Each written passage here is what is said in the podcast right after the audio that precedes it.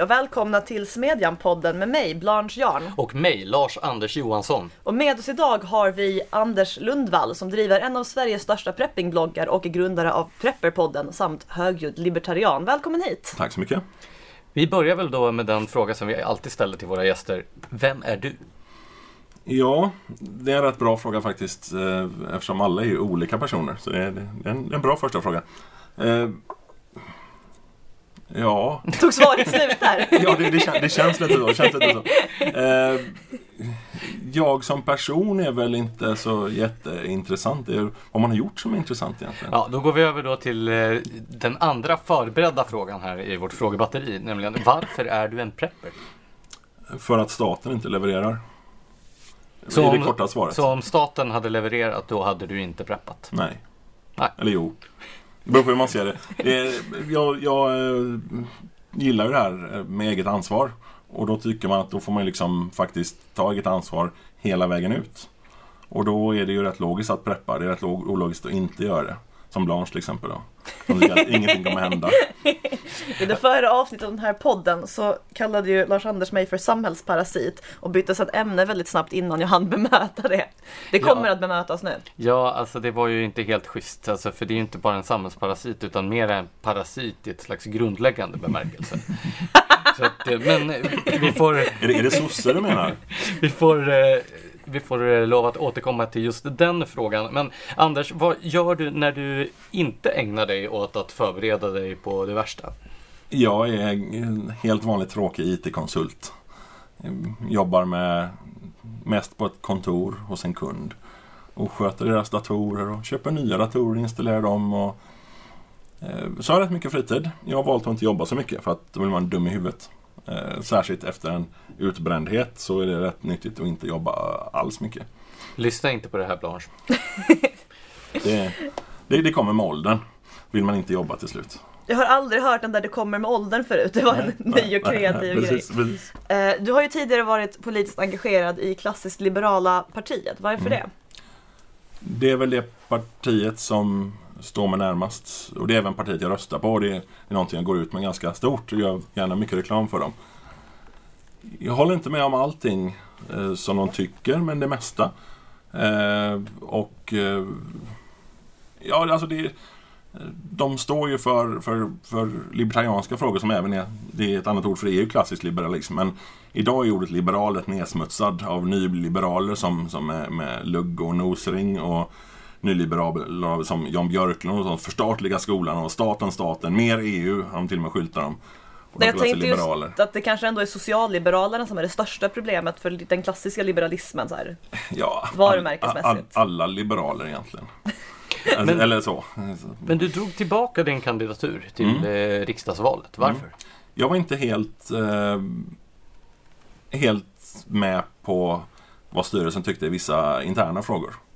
Det var inte mer så. Jag känner bara att jag kan inte gå med på det här. Och hoppar ur. Men å andra sidan så, som sagt, jag röstar på dem. Jag, jag står för vad de tycker och så vidare. Ja, så nu fick de ju inget riksdagsmandat. Så det var... Nej, det, det, det, känns som att det var rätt okej ändå. Det, jag hade väl varit på en ganska så valbar plats annars om det hade kommit så långt. Eller kommer att komma i framtiden någon gång. Förra gången som jag intervjuade dig då för eh, en skriftlig intervju i Smedjan så ville du inte framträda med ditt fullständiga namn. Varför är preppers så hemliga av sig? Det är OPSEKen, som det heter, operationella säkerheten. Det är ju egentligen ett militärt uttryck som har en del säger OPSEC, en del säger OPSEK och en del säger OPSEC. Eh, det är det att man inte riktigt vill berätta vad man är för att folk inte ska komma hem och plundra det man har. Men jag kan göra det. Jag har, jag har mat från några veckor hemma. Liksom, det är bara Molan Label liksom. Kom och ta det. Du vill inte uppge din adress? Nej, helst inte. Okay. Men då Nej, tänk... det, det, det, finns liksom ingen anledning egentligen. Jag, jag försöker dessutom mitt mycket av mitt mål med preppingen idag är faktiskt att utbilda andra, se till att andra kommer igång. För är det så att du bara skaffar lite grundläggande krisberedskap, kan du kalla det hemma. Prepping är ju ett modord och därför så har jag valt att använda det. Eh, prepper i sig känns lite lite krystat som ord egentligen. Men jag, jag har valt det för att det, det sticker ut och folk har en massa fördomar och tycker saker när de hör det. Medan krisberedskap är det det handlar om, eller hemberedskap. Och har man bara några dagars hemberedskap så har man ju mer än en som har ingen, vilket är de flesta. De flesta har ju inte ens mat hemma idag. Det det är helt sjukt. Men du tänker alltså att ifall du bara får andra att börja ha lite bättre krisberedskap så är det inte ett problem om de vet att du också har det. För Nej, att då kommer de inte försöka ta Precis. din mat. Sen så, eh, jag skulle inte rekommendera att försöka ta någonting från mig. Jag må vara- vara pacifist och tro på icke-våldsprincipen.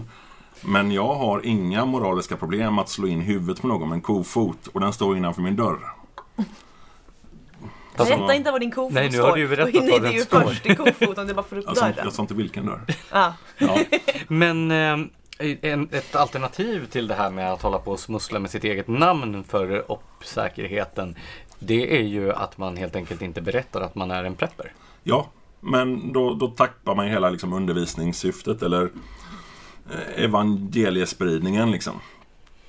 Så det var därför som du började att blogga då?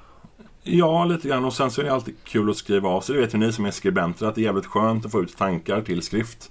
Det är liksom lite så här eh, förlösande på ett, eh, ett laxativt sätt. Det är precis så det känns varje dag när jag går till Alltså det, jobbet. det, det är ju inte så stor skillnad att gå och ha en riktigt bra stund på toa eller skriva en riktigt bra text. Det kommer ut och så är man nöjd efteråt. Jag vill verkligen tänka att det är en stor skillnad. Eh, Det, ja, det, det är därför väldigt många texter som folk skriver är skit. Haha.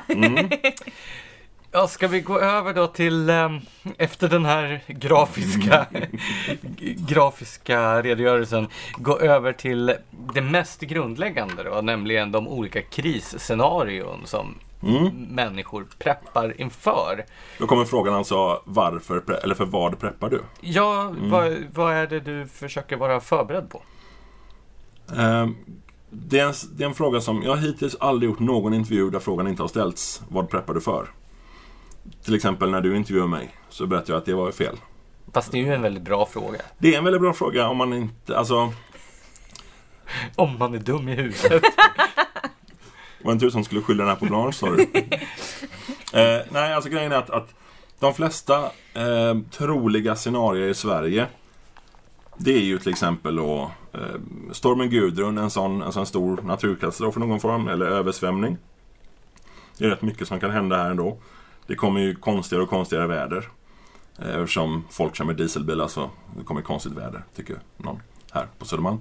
Eh, och ehm, Vi vill bara inskärpa till alla lyssnare att vi inte befinner oss på Södermalm. nej, nej Att vi men aldrig här, befinner oss på Södermalm. jag, jag pekade på Södermalm, tror jag. Ja.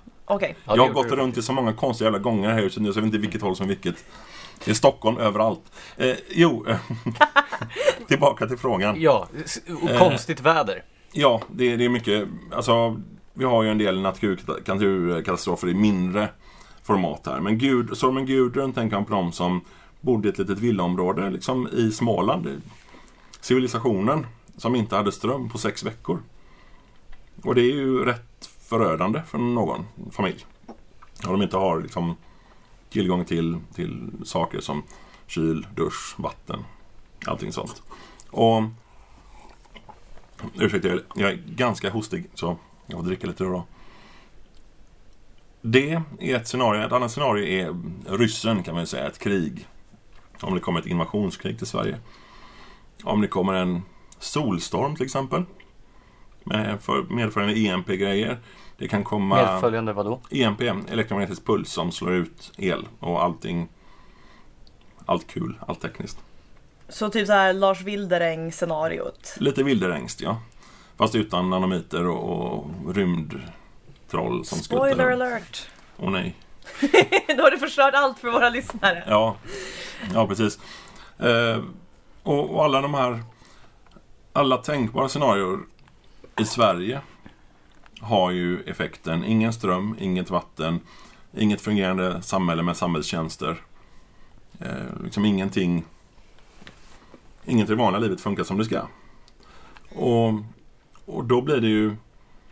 Effekten på dig blir ju att du har ingen ström hemma, du har ingen mat hemma, du får ingen vatten, du kan inte åka någonstans, du kan inte handla någonstans, du har ingen doktor att gå till.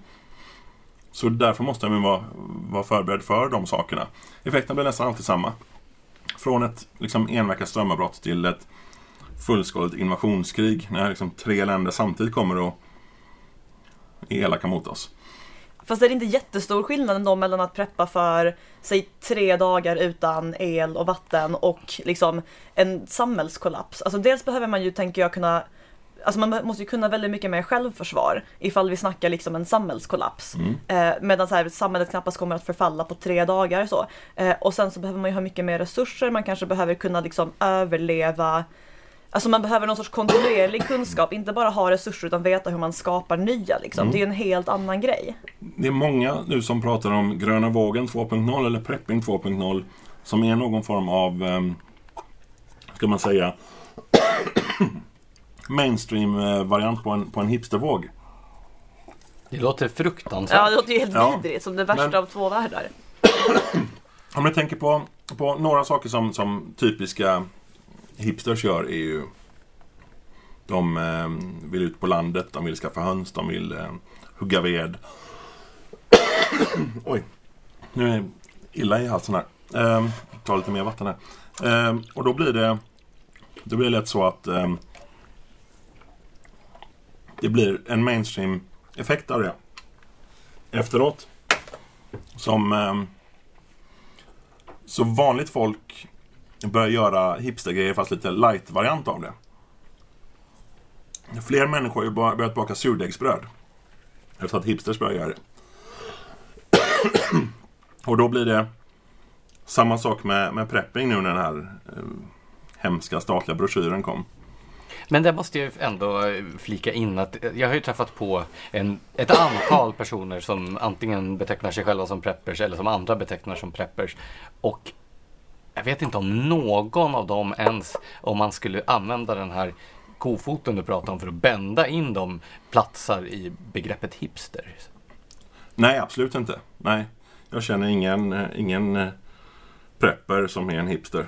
Och de flesta hipsters, de kan väl knappt knyta sina egna skor? Eller? Eller, och de har tom kyl. Ja. Men, men de vill ändå liksom vara så här och titta, vi äter Så jag förstår inte riktigt ditt resonemang här. Är... Nej, alltså att, att hipsterna, det blir lite avbrutet när jag hostar här mycket, men att, att hipsters, det de gjorde, som var kanske lite extrema saker, gå med skogshuggarskjorta på Södermalm, liksom, det är ju korkat, eftersom de inte hugger skog och de är sojapojkar allihop. Så, när det de gör får en, en svallvåg i bland vanligt folk, mainstream-folk, som just det här med, med surdegsbröd och sånt. Så Allting de gör blir någon slags mainstream-grej lite senare. Förstår du vad jag menar då? Ja. Och nu håller prepping på att bli en mainstream-grej. Ja, lite så. Så de här 72 timmarna, de här tre dagarna. Det är ju menlöst. Men bättre än noll dagar. En annan eh, begreppsgrej vi kanske borde reda ut är det här prepping och survivalism. Vad är det? Vad är skillnaden? Det beror på vem du frågar egentligen. Men om du frågar mig så jag ser en surrealist i en sån här härlig förvuxen scout-typ. Inget negativt alls med det utan snarare så att det är någon som gillar att vara ute i skogen. Eh, så här. En person som kan dra ut med, med en kniv i skogen liksom och överleva. Det är lite mer surrealist för mig. Eller någon som är lite mer amerikansk, liksom bygger bunker och, och stockpilar vapen. En prepper är lite mer sansad kanske. Så en prepper kan inte överleva i skogen. Det finns de som gör det. Alltså, det är, jag känner ju preppers som är survivalister men aldrig skulle kalla sig det. Vem är det mest långsiktig då? Preppern eller survivalisten? Vem börjar odla potatis på lantstället? Det är preppen, tycker jag. Men det är min definition av det. För just att det det här med, med gröna vågen 2.0 eller prepping 2.0 som också kallas är ju mycket att man skaffa sig ett ställe, antingen en bug out location som det kallas eller helt enkelt en sommarstuga. Alternativt att man flyttar permanent ut från städerna. Många kan ju jobba eh, med, med, med uppkoppling bara. Och att man där odlar mycket. För att vara prepper handlar mycket, alltså om man snackar om mat och vatten och sånt där, alltså förråden, så handlar det mycket om att ha en buffert tills man själv kan börja fylla på det med, med egenproducerat. Det är alltid liksom... Det finns ingen anledning att tro att man ska kunna liksom äta konserver till man dör. För de tar ju också slut. De flesta jag känner som är seriösa preppers, de har Även om de inte odlar odlar så mycket idag utan kanske bara liksom har lite chili och lite grejer i köksfönstret. Så har de fröbanker. De har mat för ett halvår. De ska klara sig över en vinter. De kan klara sig fram tills de får skörd nästa sommar. Någonting. Och det är lite det som är eh, skillnaden. Det finns ju de som läser den här broschyren och så går de och köper en, en, en sån här hemberedskapslåda för 1500 spänn på någon av onlinebutikerna. Och säger nu är jag prepper. Och det är väl lite som förr i tiden när det fanns syntare och hårdrockare. Och ens mamma tyckte, ja men den här låten med Kiss är bra. Så bara, wow, min mamma är hårdrockare. Det, så var det ju. Var det någon som gjorde så? Ja, faktiskt. Det, det, det, var, det var alltså folk som slogs på min skola om huruvida deras mammor eller syskon var hårdrockare eller syntare. Det var det enda som fanns då. Det fanns lite punkare också. Men ville man att ens mamma skulle vara hårdrockare? Om man var hårdrockare själv så vill man ju det. Om alternativet var syntare Fast, så... jo, i och för sig, men jag tänkte att det kanske var hela den här re- tonårsrevoltsgrejen går ju lite förlorad om mamman också är hårdrockare. Ja, fast det här var mer så här när man var åtta. Ja, jag Lite fattar. så. Det var ju kanske inte så genomtänkt. Men jag tänkte att vi ska knyta ihop det här eh, första den här första frågan om krisscenarier med eh, då att man preppar alltså generellt eftersom förberedelserna är ganska likartade Ja. oavsett vad som är, oavsett om det är en, ett invasionskrig eller Precis. stormen Gudrun. Sen så får man alltid ha lite lokal prägel på det. Bor man på ett ställe som alltid blir översvämmat så är det bra att ha Stövlar. Antingen flytta därifrån eller bra stövlar, ja precis. en gummibåt. Eh, men så, så man får ju alltid anpassa sig efter lokala. Vi har ganska liknande problem i hela Sverige. Eh, och är man prepper och bosätter någonstans där det blir översvämning ofta som en dum i huvudet. Det funkar liksom inte utan man måste ha Man ska bygga sin ark på hög mark liksom. Eh, men ska vi då gå över till den ännu större frågan. Hur preppar man? Mm. Om vi rent hypotetiskt säger att man är liksom en, en eh, ung kvinna som jobbar med media och bor i Midsommarkransen söder om Stockholm. Vad försöker du säga det är egentligen? typ 23-24 någonting va? Ja, precis. Ja, mm. Och inte har någon som helst förberedelse för vad som då livet och världen kan ha i beredskap. Vad, vad, ska man, vad är det första man bör tänka på? Ett exempel helt taget ur luften här förmodar jag. Eh, vatten. Det är det första. Du sitter och drack, dricker vatten just nu. Då förstår du hur viktigt Du menar den hypotetiska kvinnan i scenariot Ja, sitter ja precis, vatten? precis, precis. Ja. Vatten är det viktigaste. Skydd har vi eftersom vi alla har ett hem. Eh, Jag kan säga att alla som lyssnar på det här har ett hem. Jag tror inte ni har några hemlösa lyssnare. Vad är det? Man har alltid ett hem, sitt eget eller någon annans. Ja, för precis. att parafrasera. Mao Zedong. Ja. Eh, så, så där får man skydd, men vatten är viktigast. Eh, du, du snackade innan Blanche om, om eh, 72 timmar eller, eller tre dagar. Ja. En 10 liters vattendunk, det är mitt 72 timmars kit. Det finns ingenting mer än 10 liter vatten jag behöver på 72 timmar. Du Men alltså snacks. Ja, det är ju det här att, att men alltså, man kan ju överleva vill höver och behöver är två olika saker. Nej men så här, man kan ju överleva på bara vatten men man Mm. kan ju inte fungera om man inte äter i tre dagar. Jo då, det funkar alldeles utmärkt. Har du bara en bra tillförsel av vatten så, så är inga, du blir hungrig, men det slutar med efter ett dygn ungefär. Jag har aldrig testat tack och lov. Nej, nej precis. Och det finns ju ingen anledning att inte ha mat dock. Nej, det är ju sant. Nej. Snacks har jag ett jättebra förråd av vill jag för övrigt säga. Ja, Men eh, vi då, betonar du ofta. Ja, då, ut, ut och in ja. de här 72 timmarna, det är Myndigheten för samhällsskydd och beredskap som har slagit fast. Myndigheten för svammel om beredskap ja. Och de menar att man ska klara... Vad, vad är det myndigheterna förväntar sig att varenda medborgare ska... Ingenting eftersom de är eh, över, alltså, övergreppen socialdemokratiska. Så de förväntar sig ingenting. Eh, de ställer ut vatten. Nej, nej, jag menar, vad förväntar de sig att vi medborgare gör? Ingenting. Ingenting. Nej, de är ju sossar. Alltså, nästan alla myndigheter i Sverige är socialdemokratiska. Eh, Nu senast, eh, vad var det, ett par månader sedan, eller någon månad, eh, ett tag sedan i alla fall. Som det var tre stycken, ehm, tre stycken sådana här sekreterare och någonting som, som gick från sina platser för att hamna på någon myndighet. Så, så det är ju alltid så att de sprider ut sig som... eh, Jo, men jag tänker i den här broschyren. liksom, ja. Eh, Om krisen eller kriget kommer, Mm. då har de ju en lista där över vad man bör ha hemma och så vidare. Oatly och sånt där. Ja, det, man ska ha en vattendunk och, Ja. eh, Mm. och eh, värmeljus i princip. Jag tänker att det här, om, om staten ändå går ut och säger det här förväntar vi er att ni har, Mm. då kan det ju knappast räknas som prepping att då nå Nej. upp till den nivån. Nej, absolut inte. Det jag, säger, jag känner många som kallar sig preppers och som har mat för tre veckor hemma och jag säger nej. Det är bara liksom logik. Men att vara prepper är att vara logisk bara. Det är, det är fullständigt... Jag menar, ni vet ju själva hur mycket ni litar på staten, på myndigheterna. Tycker ni då är bra att luta sig tillbaka, luta sig på dem liksom vid en, vid en kris? Alltså vi har ju som jag sa till er, vi har idag civil krisberedskap för en liten stadsdel i Göteborg eller Stockholm. Har vi i hela landet. Vad, vad, ska, man, vad ska man göra liksom? Men hur många tror du eh, lever upp till den här miniminivån då som finns i om krisen eller kriget kommer? Hur många är så? Förvå förvånansvärt många, men det är vattnet som, som failar. Folk har generellt rätt mycket mat hemma. Eh, utom i Stockholm och Göteborg. Alltså, unga, unga människor som bor ensamma i eh, storstäderna har inte mat i kylen. Och Känner mig inte- fortfarande inte träffad. Alltså, Fast har jag du- bor inte ensam. Har du, har du sån här, är det en barnfamilj som bor liksom i säg, Åmål och alla ställen. Så har de garanterat pasta, för rätt, pasta och ris och torrvaror för att många av dem mamman kan baka. De har eh, massa skit i kylen, liksom, massa mat.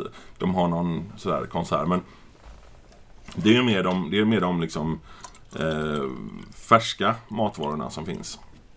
Och som finns i skafferiet. Eh, många preppers har ju det. Har ju det och ehm, utöver det dessutom eh, väldigt stort eh, lager av, av konserver och, och eh, torrvaror, all, allting sånt där. Så det man ska ha är vatten framförallt. För har man någorlunda sund, ett sunt liv så har man ganska mycket mat hemma. Och man har garanterat mat för minst tre dagar. Även om det kanske inte är liksom oxfilé alltihop. Utan man kanske får äta knäckebröd med makrill i tomatsås på. Ja, då är det ju knappt värt att överleva. Precis. Så, eh, så vatten först och främst. Hur ska man Mm. förvara sitt vatten? Får jag, får jag nämna företags... Ja, det får jag självklart. Biltema dunkar. Eh, 10 liters dunkar från Biltema. Det ser vem Anders helst. jätteglad ut. Ja, men det är ju fantastiskt. Fast jag är lite besviken på, på Biltema för deras maskiner går alltid sönder. Så att, eh, jag funderar på om jag ska byta. Men vattendunkar har de ju bevisligen. Det är inte ett SBS-fel då? Nej, det tror jag faktiskt inte. Nej. Eh, det är inte ovanligt. Men eh, deras vattendunkar 10 liters. Det kan vara lockande att köpa 20 liters. Gör inte det. De kan du inte bära. Du vill inte dra sönder ryggen på med, med 20, 20 liter vatten. På när det, när, när det skiter sig och du behöver lyfta mycket. Så eh, hur mycket vatten bör man ha hemma då? Många säger ju 3 liter per person och dygn, men det tycker jag är lite lite. Jag, jag, jag säger 10. 10 liter per person och dygn. Som den man här ska vara. fiktiva personen som vi pratar om. Ja. Hur mycket vatten bör hon förvara hemma? Eh, jag skulle påstå att, att att ha ett tre veckors förråd hemma kan vara ganska bra början. På allt. Men alltså det här skulle ju ta upp så här halva ens lägenhet. Mm, det beror på hur lite man bor i Midsommarkransen. Men, då snack... Alltså, have you met Stockholms bostadsmarknad? Ja, men du talar om 70 liter vatten då ungefär? för en vecka. Eller?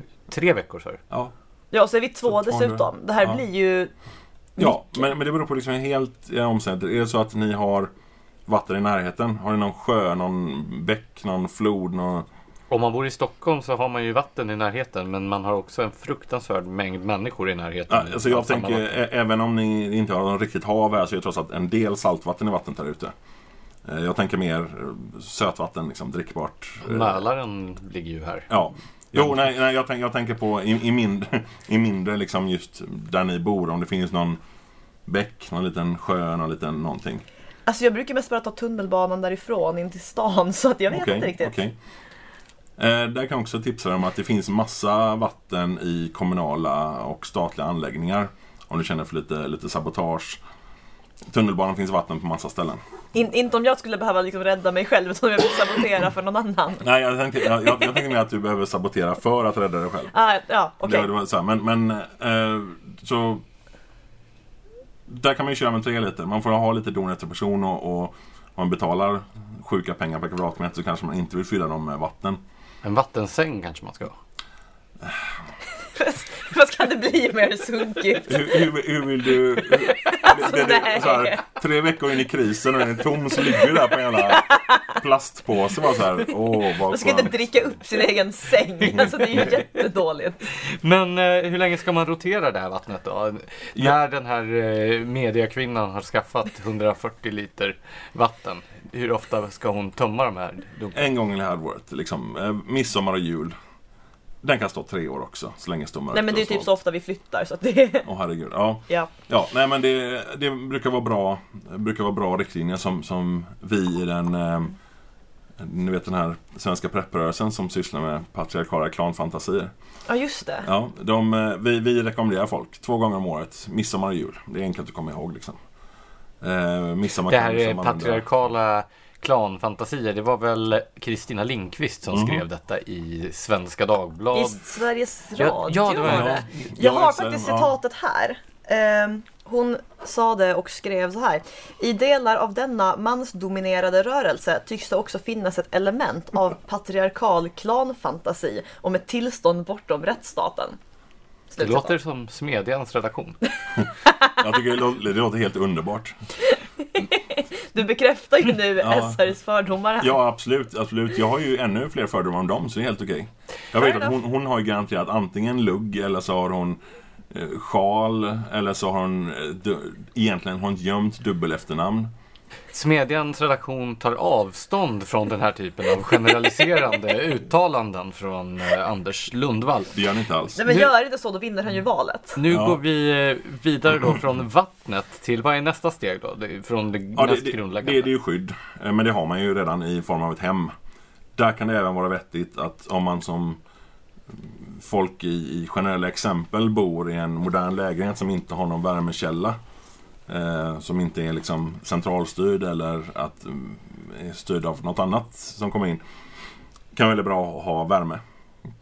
Ehm, Om man bor i en lägenhet då? Fotogenvärmare är väl det bästa man kan ha. Ehm, värmeljus.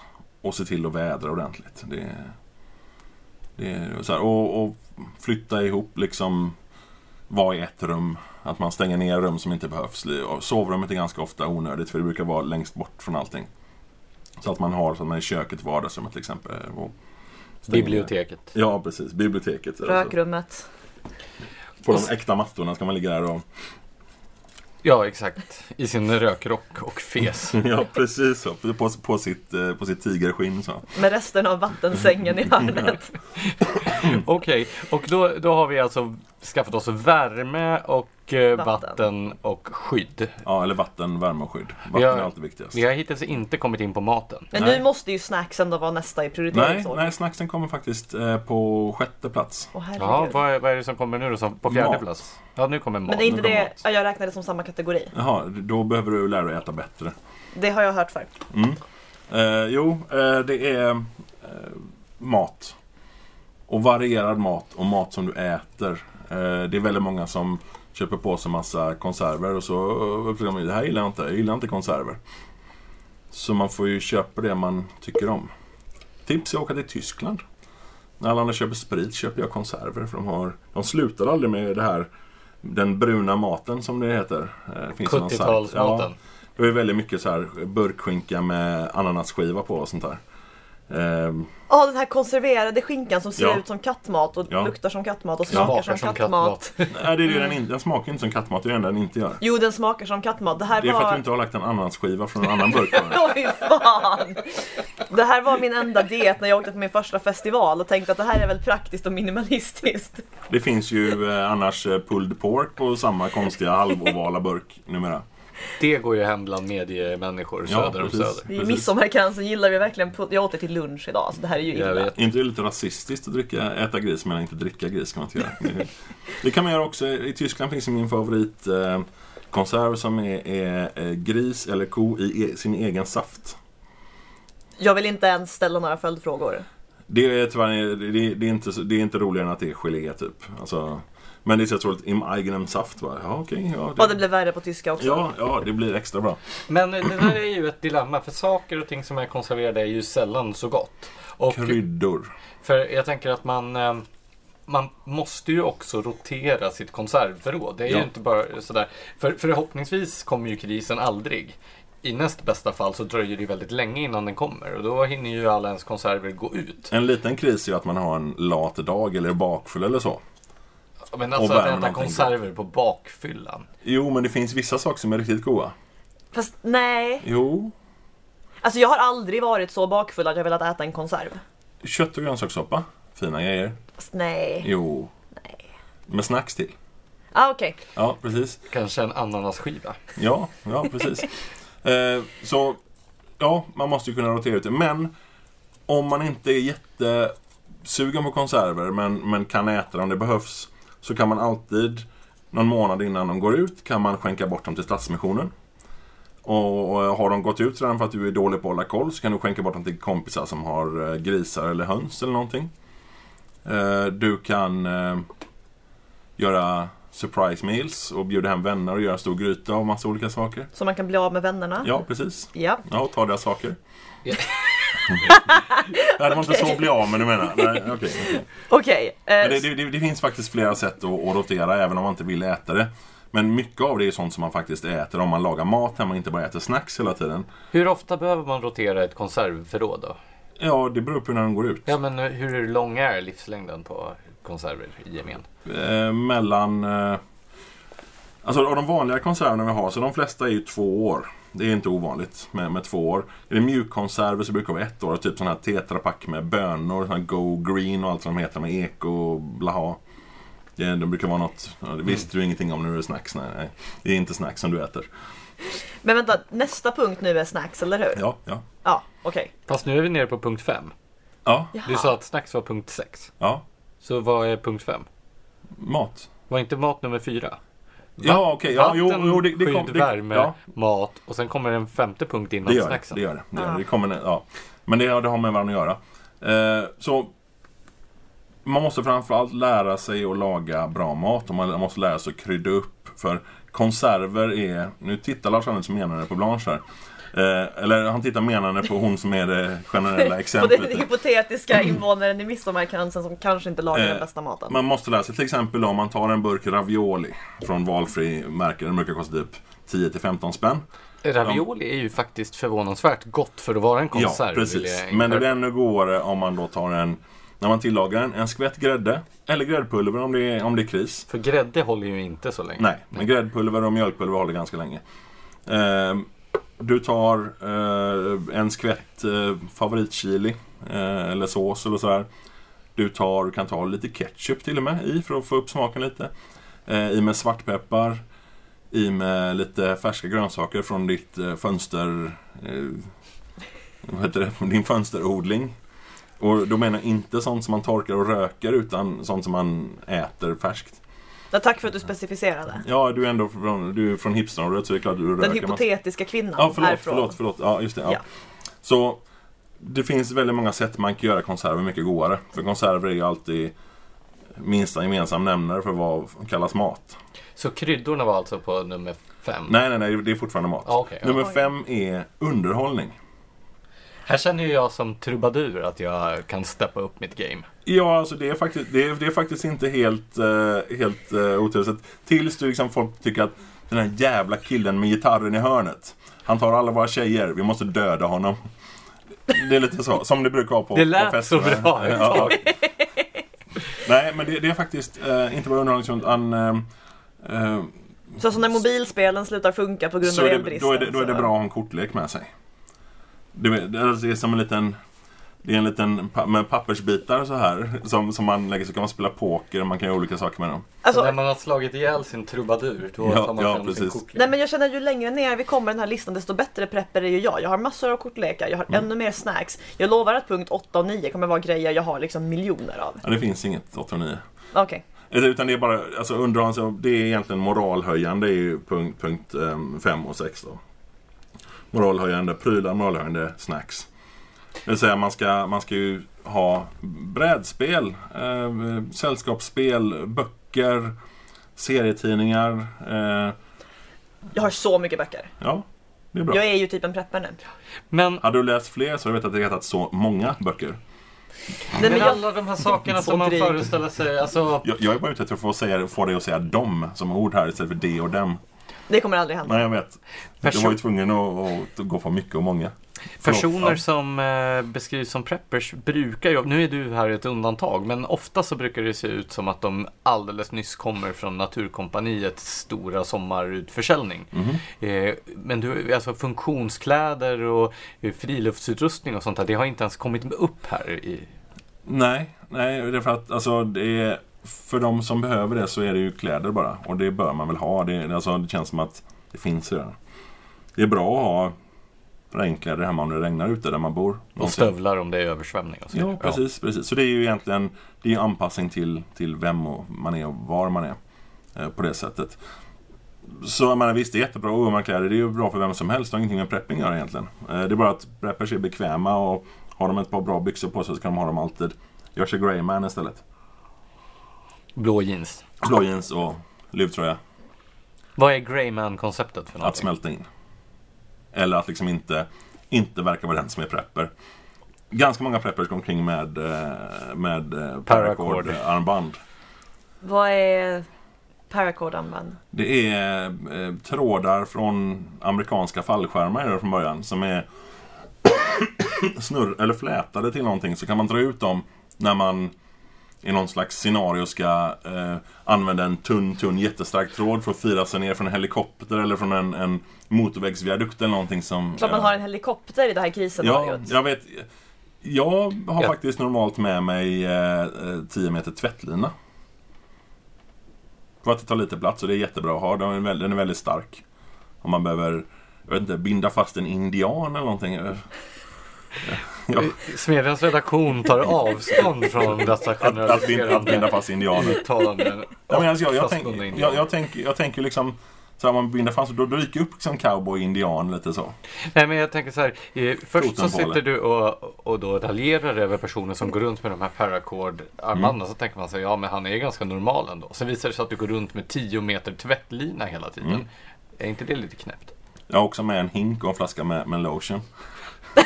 Nej men vänta, nu måste vi ändå fråga. Nej. vad är den konstigaste saken du som prepper går runt med? Dörrstopp i gummi. Såklart!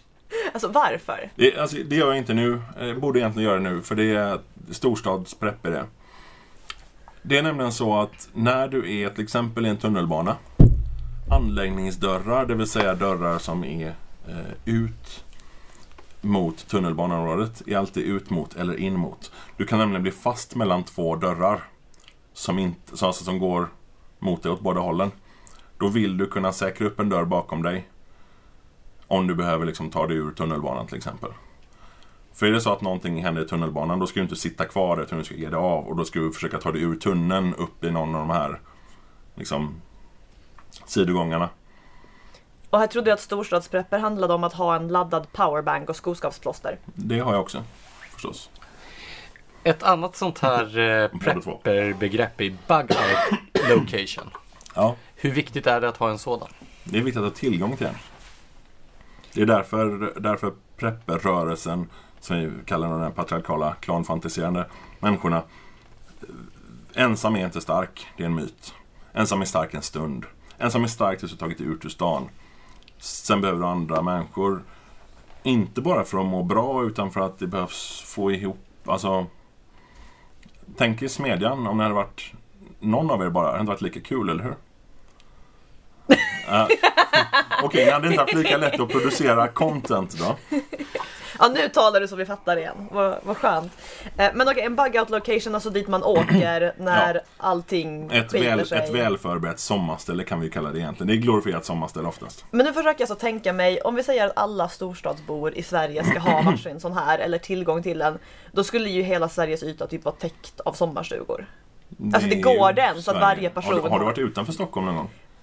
Jag kommer alltså från landsbygden, Ja. och där har vi inte så mycket sommarstugor. Nej, men du är från, fick jag lära mig, jag tror att du var från Blekinge. Ja, fy.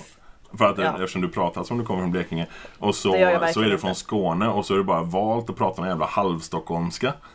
För att folk ska fatta, för att folk är dumma i huvudet i den här stan. De inte förstår dialekter. Smedjans redaktion tar avstånd från dessa generaliserande uttalanden. Om stockholmare. Ja, precis. Ja. Nej, Och om men, mig? eh, så man ska helt enkelt ha en... Ska, ska jag generalisera om dig? Nej, jag, vi tar avstånd från uttalandena om mig, min dialekt. Att du är Blekingebo. Man ska Ja. alltså helt enkelt ha en sommarstuga. Det är ganska bra att ha ett ställe utanför staden att ta sig när man bor i en stad. Bor man utanför staden så är det bättre att, att köra en bug-in istället. Att man är där man är liksom. Där du har tillgång till analog värme, ved etc. Där du har tillgång till någon form av stockpile av, av lite mat och torrvaror och så vidare. Där du kan få vara i fred för människor eh, som letar sin lycka inåt stan, kan vi kalla det utifrån förorterna. Eh, Plundrare helt enkelt. Ja, precis. precis och, och värre. Eh, framförallt för, för kvinnor är det bra att ta sig från stan när, innan någonting händer. Men alltså, nu börjar vi liksom snacka om sommarstugor. Kan man överhuvudtaget vara punk och prepper? Ja, eh, då är det mycket kunskap som gäller. Att in, alltså lära sig saker. För kunskap Hur kompenserar man för en sommarstuga med kunskap? eh, med kontakter. Alltså, det finns ju väldigt få preppers som inte välkomnar andra preppers. För att kunna... Jaha, mm, nu blinkar lamporna här. Det är dags att gå hem. Eh, för att kunna eh, samarbeta. Så har du liksom en, en able body som det heter så kan du åka hem till en annan prepp eller till dennes bug, bug out location. Så du hjälper till att att plöja åkern och, och mata hönsen och sådär. Det låter ju jättelockande. Ja, alltså det, det är en...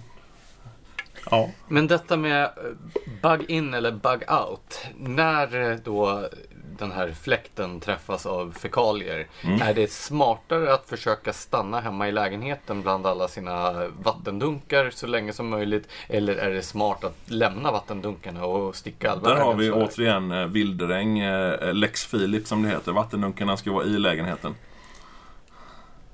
För- Ja just det, för han har dem i källaren och någon annan tar dem, eller? Precis, och där, det är Lex Filip. Har det dykt som... eh, och- Jo, men är det bättre att Då- stanna om man har förberett sig i Mm. sin lägenhet jättemycket, men man har också sin sommarstuga. Ja. Ska man stanna kvar och konsumera upp sina konserver och vattendunkar, eller ska Om- man dra? Om man inte drar innan någonting händer så är det bättre att dra kanske en till två veckor efter det har hänt. Beror på helt vad som händer egentligen. Är det så att det springer ryssar med atombomber på gatorna så bör man redan vara därifrån. Men är det så att det är liksom bara massa kaosmänniskor som drar omkring och plundrar så är det bättre att låta dem ha ihjäl varandra och, och dö av först egentligen. Det Alltså, det blir lite, lite så att, att man får liksom hitta någon slags avvägd grej med, med, med att liksom det ska det ska vara så säkert som möjligt ute. Och är, är det, är det en krigs, eh, är det en, en, ett krigsscenario så finns det ju inga broar kvar här i Stockholm till exempel. Och då är det ju bra att ha en båt eller tillgång till en båt eller rent av veta hur stjäl man en båt. Eller bo söder om Söder. Ja, precis. precis. Så du bara har Södertäljebron och... Och Södertälje. Ja, precis. ja, Men- och, och, så, så det är hela tiden, det handlar om att liksom veta ens eget läge. Veta hur mycket eld ens ytterdörr klarar av. De flesta är ju B30 minst. De billiga ute i, i, i för detta allmännyttan där är säkert B30 dörrar som håller en halvtimmes eld. Kan vi för den här eh, hypotetiska kvinnan i midsommarkransen med media förklara vad det där betyder? Ja, att eh, Det här B13. Brinner det en trappuppgång så kan det vara vettigt att tejpa för dörren och sitta kvar. Mm. Så länge det brinner lite grann. För det, kan, eh, det är ett ganska bra sätt att locka ut folk en trappuppgång är att tända, dra in lite sopor och tända eld på det så kommer alla utspringande och tjoff tjoff så har de åtta lägenheters mat och grejer till godo sig. Eh, en sak som jag har tänkt på när man läser i olika preppingforum på nätet och så vidare. Så allting handlar i princip om att man ska dra ut i skogen. Det är, en bug out location eh, ska ligga i skogen på ett eller annat sätt. Det jag då som båtmänniska inte förstår. Det är varför inte båt är ett alternativ som verkar vara aktuellt alls i preppingkretsar. Jag menar, där har man ju en portabel sommarstuga mm, som man kan fylla med konserver och vatten och allting sånt. Men det är, varför är det bara landkrabbor som preppar? Men man kan inte producera saker på en båt tänker jag. Var skulle du kunna producera saker någonstans? Med? Nej men alltså i skogen finns ju jord och grejer där saker kan växa. Det finns ju inte på en båt. Du kan fiska. Eller vad säger Anders? Det är du som är experten. Ja, dessutom tång eh, innehåller väldigt mycket C-vitamin. Eh, Inuiter klarar sig med, med fisk och det skit som kommer upp ur havet liksom. Så varför, varför är mitt intryck att preppers bara är landkrabbor? Eh, det stämmer faktiskt inte. Vi har flera av, flera av mina vänner, eh, preppervänner, är, är båtfolk. På riktigt, alltså inte sådana här flashiga som är ute och tar Instagram-bilder på sig själva i motvind. Eh, han ser inte alls ut som han tar åt sig. Jag tar inte åt mig. det Jag känner inte att jag har en särskilt flashig båt. Nej, men det var bilderna i motvind som skulle vara flashiga. Nu vet man ju inte så mycket om du är i motvind eller medvind. Motljus. Nej, det, det, det finns faktiskt en del, men, men överlag så många, många har inte egna idéer utan många kör med befintliga idéer som ofta kommer från USA. Och i USA så är de flesta preppers faktiskt inte vid kusterna eller ens vid stora sjöar. Vilket gör att de, de har ingenstans att dra med en båt och liksom inget så. Det är eh, det är nog vanligare att man inte har båt just för att man inte har några kuster. Men folk jag känner som bor vid kusterna, både här i Stockholm och Göteborg och på västkusten. Där är det absolut folk som har båt och som är förberedda. Framförallt är det många som har liksom sitt preppförråd lätt mobilt. Han kan lasta in i bilen, dra till båten, dra iväg. Det är, men det är en jättebra idé. Alltså det, är, det är många som har haft uppe det scenariot och snackat om, om en till och med att bygga en segelbåt som är lite mer för en segelbåt om man köper den det är som en eh, det är ju som en husbil inuti. Lite tråkig inredning och kanske inte så specifik för hur du vill ha den utan det är sådär massa små eh, grejer. Men det, det går alldeles utmärkt att, bygga en båt eller köpa en och bygga om den och så vidare. Eller bara använda befintliga grejer. Så det är många som gör det. Så det, det finns faktiskt. Men det, det du läser på forum och liknande är oftast väldigt... Eh, eh, alltså det är oftast inte så många egna åsikter faktiskt. Utan det är oftast en applicering av andras idéer och åsikter. Det du ska göra är ju, du ska ju i så fall läsa på interna forum. Där bara preppers sitter. Det är ju där de roliga idéerna kommer fram. Okej, det känns som att vi borde komma in lite på den här lite mer ideologiska aspekten av prepping. Eh, man talar ju ofta om att det finns ett samband mellan att prepping har ökat så mycket i popularitet och att eh, misstron eh, mot samhällets förmåga att tillgodose ens behov vid en kris, eh, att det här två hänger samman lite. Och det är ju inte alltid en helt ogrundad misstro heller. Är prepping överhuvudtaget ett uttryck för någonting ideologiskt eller är det helt enkelt en subkultur? Det är det absolut. Eh, Det är, en, det är, en, det är någonting ideologiskt. Eh, Det finns ju även en ganska stor övervikt till klassiska högermänniskor. Mycket eftersom de... i- Har patriarkala klanfantasier? Ja, precis just därför. Eh, my- Mycket, mycket för, att, för att de eh, inte överlag inte förlitar sig så mycket på staten i sin ideologi, i sitt liksom, tankesätt överlag. Medan vänstermänniskor gärna tycker, oh, helga stat. Och, och, sitter och väntar. Ja, det ser det ju nästan och- ibland som att det är någonting, alltså att det finns ett egenvärde i att förlita sig på staten. Mm. Inte bara att de gör det, utan de tycker det är rätt sak att göra i- rent i allmänhet. Ja, precis. Så det, det, det, det är väldigt många som, som tänker just det där med, med vatten tycker jag är en jättebra grej. Som, som visar det här att jag hörde en gång, jag diskuterade prepping lite smått så, eller hemberedskap på midsommarfest. Och så fick jag, visserligen från en rätt påverkad människa, men ändå fick jag frågan Men varför ska du ha dunkar med vatten? Det finns ju vatten i kranen. Och Right. då är det liksom så här Och det var ingen korkad människa som uttryckte det heller utan det var en, liksom, en människa som jag vet kan tänka och sådär och, och, och det är så likadant varför ska du ha dunkar med vatten? Du kan ha tomma dunkar så går du och hämtar när kommunen ställer ut en bil eller en tank eller vad man nu ställer ut. Och det är jättebra. Det gör de efter en till fem dagar. Om man då har ett litet barn som ska ha välling. Folk tänker inte på hur mycket de har vatten till. Och just därför så tänker de inte på att staten kanske inte kan vad fan heter Man kan inte säga provida. Vad heter? För, Tillhandahålla. Försörja. försörja, tillhandahålla en med, med, med, med saker direkt från början.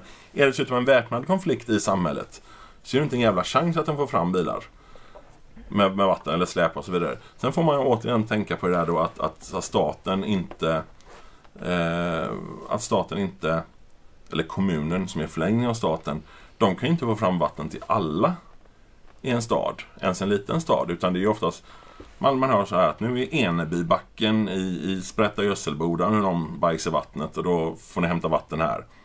Det är liksom en liten, liten stadsdel. Och där går ändå liksom att de får köpa in 10 000 dunkar för att folk inte har dunkar hemma ens. Till exempel i Trollhättan gjorde de ju så. Då fick du ju eh, Näl och det stora, stora sjukhuset där fick ju hämta vatten till allting utifrån. Och sen slängde de de dunkarna. De här några tusen dunkarna. Som var helt nya. För att det var ingen som kunde hantera dem på kommunen eller på det här kommunala bolaget. Och, och det känns liksom att bara en sån sak känns jättedumt. Ska man verkligen lita på de här idioterna då? Från vänsterhåll framförs ju ofta kritik mot prepper så att det skulle vara osolidariskt. Människor och egoistiskt, ja. Precis. Hur- Vad, vad är din kommentar till den kritiken? Där, där fick jag ju höra av en, av en, en twitterska eh, när jag hade det här Sweden-kontot på Twitter en vecka. Fick jag höra, det värsta med veckans Sweden är inte att han är prepper utan libertarian också. Eller om det var tvärtom. Jag tänkte så här, så vill jag, jag, jag har en ideologi som säger att jag vill ta hand om mig själv. Och är prepper så därför vill jag ta hand om mig själv och det är ett problem för henne hur? Undrar man ju då. Men får jättehöra och ofta, särskilt från, eh, från, från eh, vänsterhåll, får man höra att man är egoist som är prepper. När det verkligen är så istället att ju fler som preppar, eller åtminstone har en hemberedskap, ju mindre tär det på resurserna som är extremt små, som samhället, kommunen, staten har och så vidare. För, och då kan de ta de små grejerna och kanske hjälpa framförallt eh, gamla, äldre, sjuka, barn och så vidare, alltså de som verkligen behöver det. Jag tror ju att det som ligger i den här kritiken handlar om att om fler preppar så kommer också viljan att betala skatt till det offentliga att minska och så vidare. Att eh, vi, ska, vi ska sitta i samma båt. Om någon då försöker klara sig själv så har den gjort sig oberoende av det här systemet och därför så kommer den här solidariteten att krackelera. Det tror jag är tankegången. Och det är inte either with us solidaritet. or against us. Ja, och, och det är ju inte solidaritet. Det, det är inte betydelsen av det. Jag har ju vänner, preppervänner som har kommit in från vänster och står och stampar ute på barrikaderna till höger med mig nu, liksom på, på libertarianska sidan. Och insett att det här är solidaritet. Att vara ett tajt gäng med vänner som ställer upp för varandra i ur och skur, det är solidaritet. Vi hjälper andra. Vi hjälper oss själva så att vi kan hjälpa andra. Istället för att gå och gapa solidaritet och bara kräva bidrag för allting. Som, som vänstern alltid har gjort. Ja, så det här är ju en annan fråga på temat, eller vi berörde ju det här lite tidigare också, det här om det är en individualistisk grej eller en samarbetsgrej. Handlar prepping i första hand om att dra sig undan eller handlar det om att gå samman? Både och. Alltså det, det, det, är två, det är två olika håll åt samma håll, eller på att säga. Eh, att ta sig undan det tärande samhället är ju en Det är ju en stor grej med det hela. För det är ju trots allt så att om man, in, om man väljer att man inte vill vara en, alltså om man inte vill ha bidrag och, och hela den här kollektivismen så kan vi inte heller kräva det man tycker är bra av det. Utan då är det naturligt att dra sig undan samhället. Framförallt för att slippa vara bland folk. För folk är livsfarliga i större grupper när det händer någonting. Det spelar ingen roll om det är liksom kaosmänniskor från förorten eller om det är överklasskärringar med blått hår från, från Östermalm. Smedjans redaktion tar avstånd från dessa Det är generaliserande. jävla avståndstagande här. Vad, vad är det för jävla... Jag måste använda uttrycket. Vad är det för jävla syltryggar? Nej, men vi har ju lärt oss från statstelevisionen som tar avstånd från olika Varför partier. lyssnar, ni, varför lyssnar och tittar ni på stats... Vi tar även avstånd från begreppet syltryggar. Jag har förstått att det inte går hem. Ja, jag, jag tänkte syltrygg, det är otroligt bra, bra ord. Eh, jo, eh, men sen också att gå samman med med andra preppers. eh, är väldigt viktigt för att få till det. För ensam är inte stark. Ensam är stark tills man tagit sig iväg från skiten. Och sen måste man bygga upp en, en gemensamhet, man måste bygga upp en... en... Tänk, tänk, Smurfby använder jag väldigt gärna. Och då säger jag Smurfby-kommunism till och med. På grund av att kommunism är jättebra om man är 50 pers. Smedjans redaktion tar avstånd från dessa generaliserande Från, är, det, är det från, från smurfarna eller från kommunismen? Behöver vi välja? Ja, precis. För att, för att det är ju så att, att Tänk er smurfarna, de har ju, de har ju liksom Glasögonsmurf förstår jag inte vad han gör där, men de har ju så här Smedsmurf, de har Ganja-odlarsmurf, de har... Eh, Man ska alltså handplocka sina vänner utifrån vad man kan ha för nytta av dem. Det låter ju fruktansvärt. synd. Nej, utan snarare så att man ska söka sig tillsammans och, och utveckla det man är bra på. Men här infinner sig då en fråga. Om vi tar till, i en bekantskapskrets eller till och med i en familj. Eller till exempel i ett samboförhållande. Om vi tar Till, till exempel en, en söder, söder om Söder i Stockholm. Ja, ett ja. hypotetiskt samboförhållande där ena personen är extremt medveten om sådana här saker och klarar sig jättebra och preppar och så här. Och den andra personen tänker, jag behöver inte preppa för jag har ju en sambo som sköter allt det här åt mig. Hur ska då den som har en medvetenhet och kan sådana här saker förhålla sig då till den här parasitära delen av relation? Stänga av strömmen i tre dagar och visa på vad som händer. Jag, jag, jag, vet om, om sådana här, såna här förhållanden faktiskt. Där det är totalt ointresse och nästan ett maniskt intresse från andra hållet. Vilket är värst? Ja, jag vet inte. Minsta lilla som går fel så brukar de vara med på, på det hela sen. För det är nog så att det är inte förrän strömmen försvinner som vatten försvinner som man upptäcker. Jag har en vän och hon har, hon har följt mig. Hon vet vad som gäller. Och hon tycker, äh. Och så stängde de av vattnet en dag, alltså typ var det 7-8 timmar. När hon hade en ettårs bebis som skulle ha eh, välling eller vad fan de äter. Jag var så här, jaha, vad ska jag göra nu? Jag har inget vatten. Alltså min pojkvän lyssnar ju på den här podden och jag skulle verkligen uppskatta om ni inte gav honom såna här idéer. Så du menar att han ska bli den som är totalt ointresserad och du ska bli den som är prepper? Nej jag menar att han skulle få för sig att stänga av elen hemma så att jag ska börja liksom Nej, mina snack smälter! Vilken hemsk tanke! Ja. Hela mina Snickers i en hög liksom. Tillbaka till det här med solidariteten. Mm. Vid händelse av ett invasionskrig då, som var ett av de krisscenarion som vi tog upp tidigare. Kommer prepparna att stanna och försvara sitt land eller kommer de ha dragit till sina bug-out locations och lämnat sina medmänniskor i sticket? Nej, alltså det är ju en annan, det är ju the final frontier lite grann. De flesta preppers är ändå ganska måna om att försvara lokalt, där de är. Många har vapen. Det är inga... Det är några vapengalningar, men inte många. Men de, de flesta de har jägarexamen eller de är pistolskyttemänniskor och sånt där. Så preppers är hemvärnsmän typ. Ja, lite åt det. Men det är inte alla som, är, som har en krigsplacering. Men samtliga som inte är krigsplacerade har mer en inställning att man håller grytan kokande för, för grönt och blått som kommer och behöver mat. Eh, militär och polis alltså. Ja, han uppfattade här min frågande blick. Ja, ja precis, precis. Eh, så eh, många av mina preppervänner är ju militärer eller hemvärnsmän och så vidare. Och de får ju dra liksom det första de gör. Därför är det viktigt att de är preppers för att då lär de sina barn, sin familj. Och så här. I flera fall finns alltså i ordning idéer om att någon prepperväns barn ska hem till en annan prepper. Så fort det blir inkallelseorder. Och konka med sig en låda mat var eller en låda grejer var. För att det är just den solidariteten som finns. Vi, eh, vi har en vän, hon blev påkörd av en epatraktor på cykel. Hon bodde lite ute på landet. Dock har jag idag sett en epatraktor mitt i stan här. Jag blev jätteglad. Sjukt. Ja, Men okej, hon blev påkörd. ja. och hennes cykel blev kras. Eh, Vi skramlade ihop. Hon behövde sin cykel för att cykla till jobbet. Vi skramlade ihop en ny cykel på Biltema åt henne dagen efter och så var det löst. Det låter ju som att du lutar mer åt eh, samarbetssidan än den individuella sidan i den här frågan. Ja, absolut, absolut. Jag tycker det låter som en patriarkal klanfantasi. Ja, Men behöver det utesluta gemenskaper? Jag förstår inte, sk- skrev hon något dåligt menar du? Eh, Det börjar bli dags tyvärr att eh, runda av det här avsnittet. Så jag tänkte be dig om ett eh, boktips, eller kanske flera. Om man är intresserad av att börja preppa och vill läsa en bra introduktion eller om man redan preppar och vill ha någonting riktigt bra fördjupande. Vad ska man läsa i så fall? Jag tror att man ska egentligen ta och googla. Om man vill ha listor på saker som är bra och sånt där. Det finns ehm, Anna Maria Stavrebergs bok som jag själv är med i. Den är väldigt grundläggande. Den heter... Den heter Prepping ehm, och så en undertiteln Att vara beredd på det värsta och hoppas på det bästa, är det Något så? sånt där ja. ja.